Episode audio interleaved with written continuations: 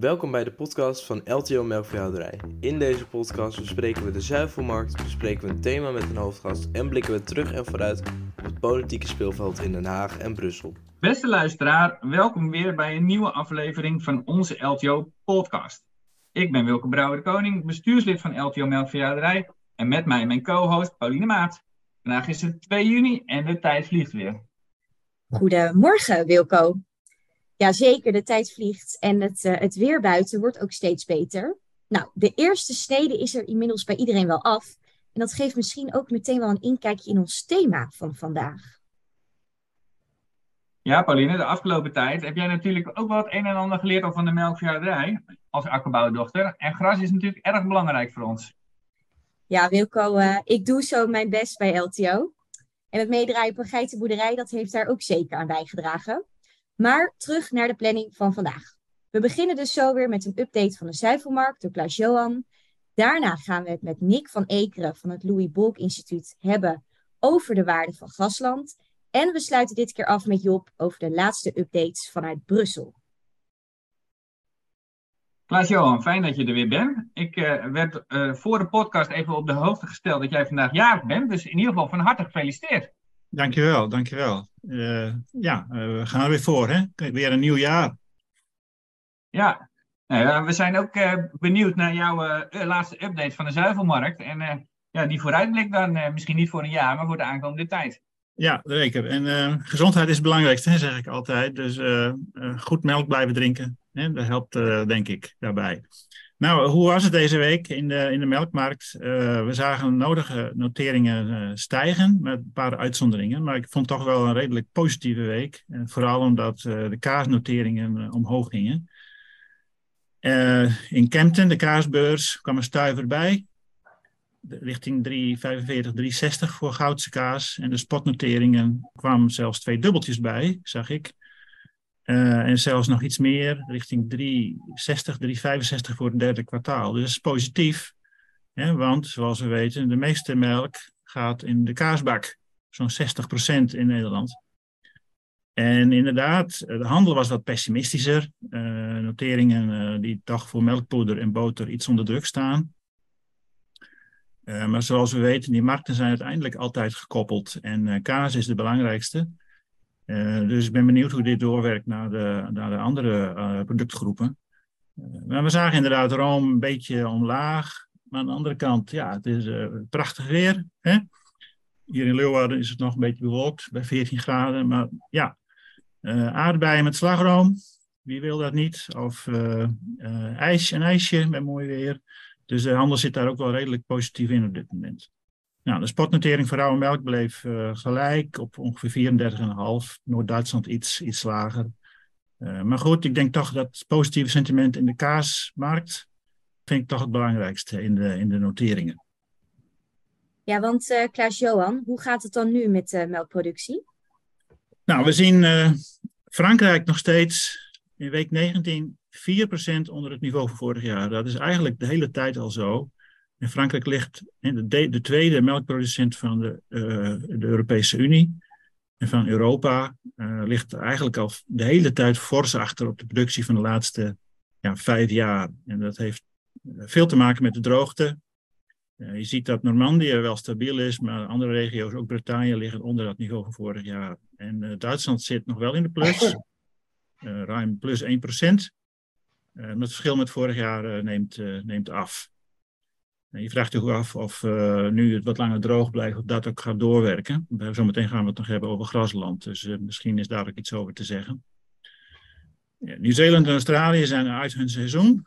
Europa en de VS, daar kijken we nu dus vooral naar. Nou, die zitten beide op ongeveer plus uh, een kleine 1% productiestijging. En zoals we al eerder al zeiden, Nederland zit er echt wel fors boven op dit moment nog steeds, met plus 5% inclusief vet. Nee, Klaas-Johan, wat eh, viel afgelopen week verder nog op? Uh, behalve dan dat het gisteren natuurlijk Wereldmelkdag was. Ja, ja, goede opmerking. Het was gisteren Wereldmelkdag. Dus uh, ik heb genodigde aandacht gezien op social media. Ik hoop dat iedereen het gevierd heeft en ook op getoost met een glas melk. Ik, wat verder opviel natuurlijk was de bekendmaking van de jaarcijfers van de Nieuw-Zeelandse coöperatie Fonterra. die wereldwijd een belangrijke rol speelt in deze markt. En met name ook belangrijk de inschatting, de eerste inschatting van hoe het komende seizoen gaat. In, in, als je het over Nieuw-Zeeland hebt, het melkseizoen 2023, 2024. Wat, start, wat gisteren ook gestart is op Wereldmelkdag. Ja, ik denk dat het toch eh, door de bank genomen nog steeds redelijk positief is. Hè. Ze drukken de melkprijs uit in Nieuw-Zeelandse dollars per kilogram milksolids, hè, eiwit en vetten. En dan komen ze nu uit, de eerste inschatting, gemiddeld op 8 dollar per kilogram milksolids. Als je historisch dat bekijkt, dat is dan op twee na de hoogste uitbetaling. Nou zijn natuurlijk de kosten ook fors gestegen. En uh, hoe, hoe, moet je dat nou vertalen naar uh, centen per liter? Dat is ongeveer 38 cent per kilogram melk. Kun je daarmee uit voeten? Ja, ik denk dat Fonterra zich uh, vooral kijkt naar China en, en ook kijkt naar, ja, mijn verwachting is toch dat na de lockdowns China langzaam maar zeker weer meer in de markt komt als de economie daar weer op gang komt. Maar dan hebben ze het over 2024, dus het duurt iets langer. Klaas-Johan, jij zegt net uh, 38 cent. Kan zo'n Nieuw-Zeelandse boer dan met 38 cent uit de voeten? Nou, ik, uh, ik heb eens wat nagevraagd. Even omgerekend hè, naar, naar die, ja, onze 38 eurocent. Dan wordt toch in Nieuw-Zeeland gerekend met toch zo'n 30 cent aan productiekosten. Rente, die natuurlijk gestegen is, 5, 6, 7 cent. Dan nog een paar uh, procenten uit de verkoop van vee. En dan kom je ook uit op 38. Dus dan hou je eigenlijk niks over. En ik begrijp ook wel dat veel Nieuw-Zeelandse boeren, de leden van Voltaire, niet tevreden zijn met deze eerste aankondiging. Nee, want je houdt eigenlijk niks over om af te lossen en vervangingsinvesteringen te doen. De kosten op de bedrijven zijn ook daar fors gestegen. Rente, voer, arbeid, kunstmest, onderhoud. Nou is het wel zo, daar hoor je ook wel meer over, Fonterra heeft wel meer winst geboekt. Omgerekend zo'n eh, miljard, miljard Nieuw-Zeelandse dollar. En de, dus ja, wie dan, wie dan aandelen heeft, die mag meer dividend verwachten. En dat geldt voor uh, de meeste leden, maar niet alle, alle melkproducenten in, uh, in Nieuw-Zeeland. Wat Fonterra dan wel doet, is dat ze hun bevoorschotting wat naar voren halen. Uh, om de boeren dit, ja, in deze fase te, wat meer tegemoet te komen. Ja, Klaas-Johan, bedankt in ieder geval weer voor deze update voor deze week. Het blijkt leuk om zo eens een inkijkje te hebben helemaal naar de andere kant van de wereld, hè, de andere kant van de aarde. dan gaan we nu verder naar onze hoofdgast van vandaag, Nick van Ekeren van het Louis Boek Instituut. Nick, wat fijn dat je er bent vandaag. Zou je je kort eerst even willen voorstellen? Ja, Wilco, leuk, leuk dat ik hier in deze podcast mag zijn. Ik ben Nick van Ekeren, onderzoeker bij het Louis Bolk Instituut. Kijk, dat is heel kort en heel krachtig, denk ik maar zo. Ja, ik kan er nog meer over zeggen. Onderzoeker, ja, wij zitten met name in de onderzoeker in de melkverhouderij rond bodem, grasland en uh, de relatie met uh, biodiversiteit. Um, nou, Nick, super um, dat jij vandaag bij ons in de podcast bent. Nou, het Louis Bolk Instituut, ik had er nog nooit van gehoord, maar ik begreep dat uh, voor melkveehouders dat zeker niet onbekend is. Nou zijn jullie met een rapport naar buiten gekomen, genaamd Grasland maakt het verschil. Zou je ons daar wat meer over kunnen vertellen? Ja, uh, wij hebben dat rapport naar buiten gebracht om te laten zien dat grasland een, een, een, naast uh, voedselproductie een belangrijke waarde heeft voor bodemkwaliteit, klimaat, waterkwaliteit en biodiversiteit. En uh, dit was ook om te laten zien dat de melkveehouderij, die uh, onder druk staat. Hè, uh, we weten allemaal ja, wat er allemaal speelt rond stikstof. er wordt gepraat over afname van de melkveehouderij. Aan de andere kant staat grasland ook onder druk. Vanwege de derogatie die er van af is. En ja, de verwachting is dat daarmee het graslandareaal gaat afnemen. En als, grasland, als het graslandareaal gaat afnemen, gaan daar ook een aantal zogenaamde ecosysteemdiensten, die vallen dan weg. En dat was een reden om daar de bewustwording daaromtrent, om dat in beeld te brengen. Wat zijn dan die ecosysteemdiensten? En wat gaan we verliezen als het grasland gaat verdwijnen? Ja, eh, dank, dankjewel. Uh, Nick, heel belangrijk denk ik om naar die ecosysteemdiensten te kijken. Jij noemt ook even het verlies van derogatie uh, in een zijdzin. Kun je eens aangeven wat jij denkt dat het effect van derogatie gaat zijn dan op hoeveelheden gras? Heb je daar, daar, daar ideeën over? Het, blijft uh, moeilijk koffiedik kijken uh, ja, hoe het areaal gaat veranderen. Hè? Maar je zult met name in, eh, toch in bepaalde regio's, als de derogatie, ja, omdat de derogatie is vervallen, zul je op termijn zien dat boeren bijvoorbeeld meer mais gaan telen.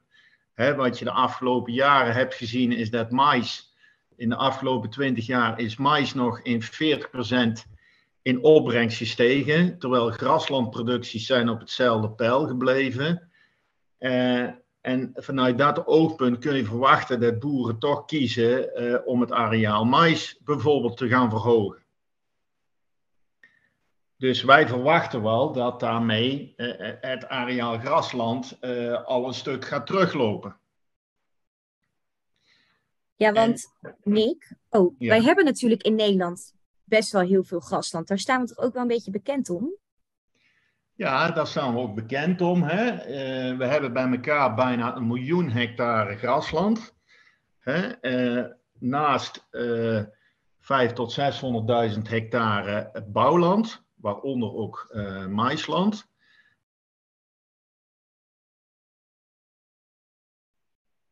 Maar het punt is ook dat we met z'n allen niet bewust zijn dat door de derogatie, maar ook mogelijk door reductie van uh, de melkverhouderij door de stikstofnormering, ja, dat de melkverhouderij minder gaat worden, dat daardoor minder grasland wordt en dat dat groene gras, waar we nu allemaal om ons, om ons heen zien, dat dat eigenlijk allemaal wordt omgezet in bouwland. En er is op zich niks op tegen tegen bouwland, maar we moeten ons bewust zijn dat bouwland andere ja, eigenschappen heeft dan grasland. En daarmee gaan we gewoon eens, uh, ja, mogelijk voor een aantal doelstellingen die we als maatschappij hebben, zoals waterkwaliteit, maar ook klimaat, biodiversiteit, bodemkwaliteit, gaan we eigenlijk het kind met het badwater weggooien. Dus mogelijk gaan we dadelijk met ja, de reductie van melkveebedrijven voor stikstofdoelen gaan we wel de stikstofdoelen halen, maar lopen we er tegenaan dat het grasland verdwijnt en dat we daarmee problemen krijgen om de waterdoelen en klimaatdoelen te halen. Nee, nu hebben jullie natuurlijk een onderzoek gedaan en hebben jullie eigenlijk bouwland, blijfgrasland, tijdelijk grasland en semi-natuurlijk grasland met elkaar vergeleken. En wat waren dan de belangrijkste uitkomsten die daaruit dat onderzoek kwamen? Ja, je ziet eigenlijk als je gaat kijken dat, nou ja, dat, dat richting, uh, als je de verschillende uh, zaken op een rij zet. Hè, we hebben gekeken naar, uh, we hebben gekeken naar bodemkwaliteit, waterregulatie, waterverbruik, klimaat, CO2-opslag, ammoniakemissie, uh, biodiversiteit, bovengronds en ondergronds en landschap. En wat je ziet dat uh, bouwland, ja, die heeft minder ammoniakemissie, omdat je daar makkelijker uh, mest kan grond, in de grond kan werken. Lachgas, je hebt ook door een lager bemestingsniveau minder lachgasemissie bij bouwland. Maar op alle andere thema's scoort eigenlijk grasland beter. En dat is nou juist ook het punt. Daar ligt dus die waarde van grasland. En daar maakt grasland gewoon het verschil. En dat is ook een belangrijk, zien wij als een belangrijk bestaansrecht voor de melkverhouderij in Nederland.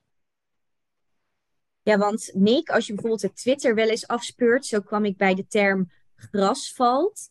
En wat ik jou, um, hè, dus dat, dat gras eigenlijk niks zou, zou bijdragen aan biodiversiteit en dergelijke. Maar als ik jou dan zo hoor, dan scoort dus gewoon grasland eigenlijk heel erg goed op, op bodemkwaliteit en waterregulatie. Ja, kijk, grasvalt uh, zegt vaak ook richting hè, een, een, een, een monocultuur. En natuurlijk vaak Engels raaigras. In, in het grasland staat vaak een dominantie van, van Engels raaigras. Maar ga je bijvoorbeeld naar blijvend grasland kijken, dat scoort heel goed op bodemkwaliteit en ook op de ondergrondse biodiversiteit. Met die goede bodemkwaliteit en uh, het vele bodemleven erin, krijg je eigenlijk ook een goede waterregulatie. Hè? Dus uh, de waterinfiltratie op grasland is gewoon heel goed. Dus ja, grasval doelt vaak een beetje op de monocultuur van Engels raaigras. En natuurlijk, dat draagt niet bij aan de, aan de bovengrondse biodiversiteit. Maar ondergronds, qua bodemleven en qua bodemkwaliteit, is grasland gewoon een, een, een geweldig landgebruik. En dan, als ik jullie onderzoek zie, hè, dan is het zelfs op ondergrondse biodiversiteit scoort dus eigenlijk net, net zo goed als semi-natuurlijk grasland. Hè? Dus meer natuurgronden. Ja, nou is er natuurlijk wel, kijk, ondergrondse biodiversiteit, daar zitten veel aspecten aan. Hè, maar je ziet dus dat, dat, dat, ja, dat met name blijvend grasland door geen grondbewerking en een constante aanvoer van gewasresten en wortelresten, dat blijvend grasland gewoon ja, heel goed scoort op ondergrondse biodiversiteit en eh, vergelijkbaar met semi-natuurlijk grasland. Ja. Maar Nick, ja? is er dan, dan ook niet iets in de beeldvorming wat dan anders moet? Want als ik jou dat dan zo hoor zeggen, hè, van nou, dat, dat grasland, en dan hebben we het natuurlijk over dan hè, die biodiversiteit ervan. Ik moet ook meteen denken aan eh, 1001 hectare, dus kruiden, kruidenrijk grasland. Daar is Wilco uh, ook heel erg mee bezig. Dat ik dan denk, ja, zit er dan ook niet een, een taak voor ons om die beeldvorming dan ook uh, in de maatschappij dan, dan ja, anders te maken? Dus veel meer het verhaal te vertellen van ja, hoe waardevol dat dus eigenlijk is. Nou ja, dat, dat hebben wij gedeeltelijk voor jullie ook proberen in beeld te brengen. En die bewustwording ook bij melkverhouders uh, en de sector neer te zetten. Wat jullie eigenlijk met grasland in handen hebben als sector. Hè, dus, uh, en ik denk dat je dus wel degelijk aan die beeldvorming. En natuurlijk kun je daar nog, nog extra dingen aan doen. En daar zijn jullie ook met die 1001 hectare mee bezig. Hè. Je kunt daar nog aan bovengrondse biodiversiteit kun je nog extra dingen doen. Maar blijvend grasland is in principe een, een, een, een, ja, een heel goed landgebruik voor de verschillende maatschappelijke doelen die wij hebben. En als je kijkt, uh, Nick, uh, op dit moment wordt er nog steeds over een landbouwakkoord ergens gesproken aan een hoofdtafel. Heb jij nou nog ideeën ook hoe we dan dat graslandgebruik kunnen stimuleren? Wat hebben we nou nodig om, om het graslandareaal in de benen te houden? Ja, ik, kijk, het wordt, het wordt belangrijk, zeg maar. Uh, hè, kijk, als je naar, kijkt uh, qua ammoniakemissie, uh, scoor je met grasland natuurlijk iets minder dan met bouwland. Ik denk dat als je kijkt naar het landbouwakkoord en als er een reductie van melkveebedrijven gaat komen, ik denk dat we daar niet helemaal onderuit gaan komen. Maar dan wordt het wel zaak om het bestaande grasland, wat nu bij bedrijven zit, wat wordt opgekocht, om te zorgen dat dat, dat grasland weer terechtkomt bij melkveebedrijven, die daarmee kunnen extensiveren en het grasland op die manier optimaal kunnen gebruiken. Dus uh, volgens mij is er, ligt er een hele belangrijke taak vanuit het landbouwakkoord om te kijken hoe kunnen wij het grasland wat dadelijk beschikbaar komt of wat vrijkomt door opkoop van bedrijven, hoe kunnen we zorgen dat dat weer eh, terechtkomt bij bestaande melkveebedrijven die daarmee kunnen extensiveren en hun bedrijfsvoering eh, kunnen voortzetten in Nederland. dus ja, ik denk dat er bijna een soort van nationale ruilverkaveling moet komen, waarin grasland gewoon heel prioritair uh, wordt meegenomen. En je moet gaan voorkomen dat dat grasland ja, wordt omgezet in, uh, in bouwland. Ja, voorkomen is natuurlijk één, hè, maar je begon toen straks ook al hè, dat de productie natuurlijk van maisland nog 40% was gestegen en grasland eigenlijk achter is gebleven. Dus, ja. dus zijn er nou ook nog uh, maatregelen te bedenken waardoor we dat grasland kunnen stimuleren hè, op, op, op bedrijfsniveau? Hè? Waar, je, waar je het nu over hebt is heel macro, maar nou op bedrijfsniveau. Wat, wat hebben we nou nodig om dat grasland in de benen te houden? Nou ja, kijk, in zekere, in zekere zin zag je het al van hè, uh, met de derogatie. Je zag eigenlijk met de derogatie, dat was een geweldige stimulans voor bedrijven om grasland te behouden. Hè. De derogatie, zelfs toen we van 70% grasland naar 80% grasland gingen, zijn veel bedrijven die hebben eigenlijk meegedaan met de derogatie. En dan zie je erin van de stimulans om mest op eigen bedrijf te mogen gebruiken en daardoor ook minder afzetkosten te hebben, dus ook ja, minder kosten, was gewoon een hele belangrijke stimulans om grasland te behouden. En ik denk dat je daar moet naar, naar moet kijken van hoe kun je daarin uh, grasland stimuleren en bijvoorbeeld dat via GLB of beloning van ecosysteemdiensten, hoe kun je grasland daarmee uh, ook de verdiensten verhogen die je aan grasland behaalt. want je zult iets moeten doen. Het, het brengt gewoon minder op dan, uh, dan mais. Weliswaar heeft natuurlijk grasland wel veel meer eiwit van eigen land. Hè? Dus het is wel belangrijk ook voor je eiwitvoorziening. Dus er zal altijd een balans zijn. Maar wil je grasland extra stimuleren, dan zul je moeten gaan kijken hoe kun, hoe kun je daar ook voor belonen om daar uh, die mindere verdiensten uh, toch uh, te vergoeden. En dan, ja, mijn laatste vraag denk ik, maar um, als je kijkt natuurlijk hebben we, jij geeft al aan hè, dat je verwacht dat het ADL grasland naar beneden gaat in Nederland. Nou hebben we natuurlijk als Nederland zijnde ook nog een blijvende graslandquotum binnen de EU. Ja. daar zaten we altijd wel een stukje boven. Denk jij ook wel dat we daar snel doorheen dan zakken, door dat plafond? Ja, dat is, dat is een risico. En, en, en dan, uh, ja, dan, kijk, nu, nu is het, wordt het nog nationaal bekeken en dan ga je weer terug naar de bedrijven en dan, ja, dan, dan heeft dat ook consequenties gewoon van hoe, hoe dat uh, bij de bedrijven waar, waar blijvend grasland verplicht is op, op de percelen. Dus ja, ik denk wel dat er een groot risico is dat we dadelijk door dat, uh, dat, door dat nationale plafond heen, heen gaan, zeg maar. Of plafond, eigenlijk die, die nationale grens. En dan, ja, dan, dan, dan, dan, dan komt dat terug bij, bij de, de individuele bedrijven. En dat zal, wel een, ja, dat zal uh, uiteindelijk wel, wel zorgen dat, dat die terugloop van het grasland uh, uh, ja, stagneert. Maar ja, het, het, het zou mooier zijn als we dat gewoon voor kunnen zijn. Ja. Nou, Nick, ik kan je vertellen dat ik dacht inmiddels wel aardig wat van gas te weten, maar dat ik na deze minuten toch een heel stuk wijzer ben geworden. Nou, en ik wil jou dan ook hartelijk uh, danken dat jij hier uh, bij ons was vandaag en voor je, voor je uitleg. We gaan nu door naar het laatste onderdeel van de podcast. We gaan namelijk door naar Job. Want we hebben vandaag weer een update vanuit Brussel. Er was gisteren in Brussel ook een soort protest, een demonstratie. Ik dacht, laten we daar eens mee beginnen. Job, wat was er nou aan de hand?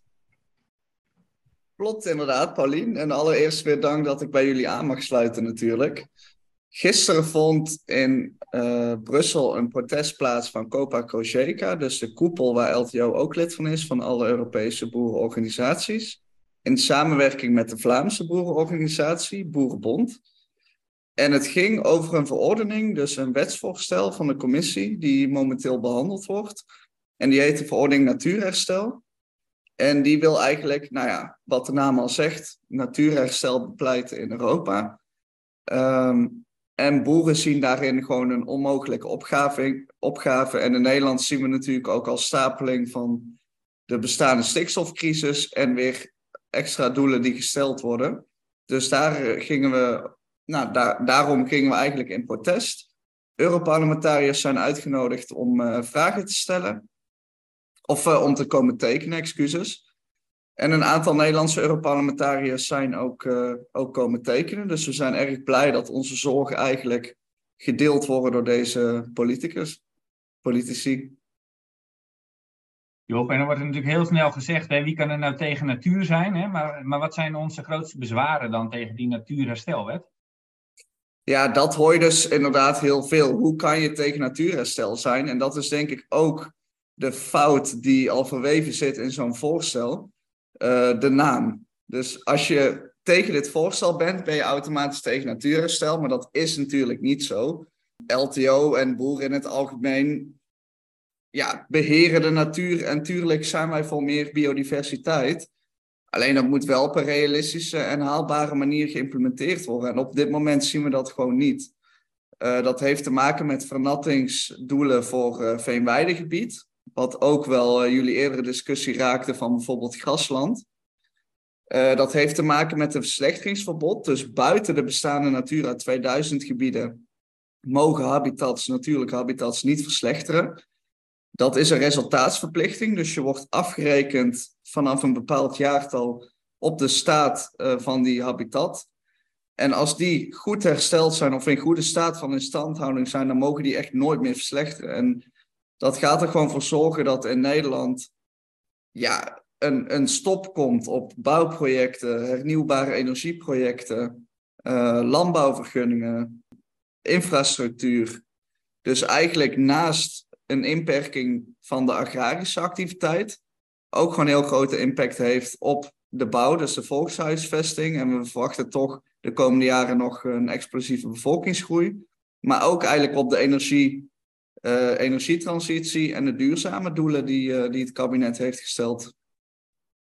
Ja, Job, ik herinner mij nog goed dat, uh, dat jij voor het eerst een presentatie gaf over natuurherstel. En dat ik echt aan tafel zat en dacht, maar dit is echt een complete ramp als deze wet er zo, uh, zo doorheen komt. Ik merk ook wel um, op bedrijf dat er ook wel heel veel wilde verhalen de ronde gaan. Als in van, oh, we moeten terug naar natuur van 200 jaar geleden. Hoe kan dat nou?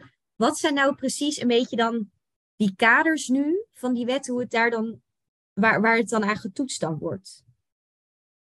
De toetsing vindt plaats aan de hand van de staat van instandhouding van de gebieden die nu uh, bestaan. Dus die worden als basis genomen. De staten, lidstaten, die moeten op, nou ja, binnen een aantal jaar, dus een vrij korte periode, moeten ze alle uh, habitats en gebieden in kaart brengen, wat al een enorme opgave is. En aan de hand daarvan moeten zij uh, in 2030 20% hersteld hebben en dat loopt op tot uh, 80, 90% in 2050. En dat moet dan hersteld zijn aan de hand van hoe de natuur er nu voor staat of van een aantal jaar geleden dan?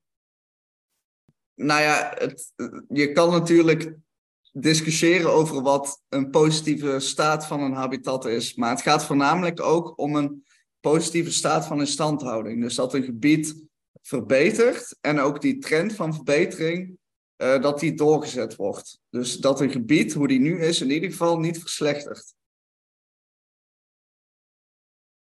En nou hebben we natuurlijk daar een behoorlijke lobby op gezet. Uh, jij zei al van een aantal Europarlementariërs hebben dan uh, getekend, of doen in ieder geval mee. Uh, wat is nu de stand van zaken dan in het hele Europese parlement om, om, rond dit thema?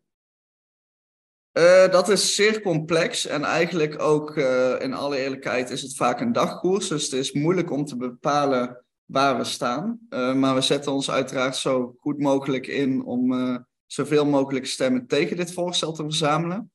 De EVP, dus de koepel van uh, waar CDA en ChristenUnie Europees lid van zijn, heeft zich wel al helemaal uitgesproken tegen dit wetsvoorstel. Zij zijn ook weggegaan bij de onderhandelingen over dit wetsvoorstel. Wat natuurlijk een belangrijk politiek signaal is, maar anderzijds zien wij daar ook een bedreiging in. Ehm, omdat je niet, door niet deel te nemen aan onderhandelingen, kan je ook niet amenderen. Dus dan kun je het wetsvoorstel, in plaats van het volledig afwijzen, kun je het niet meer afzwakken.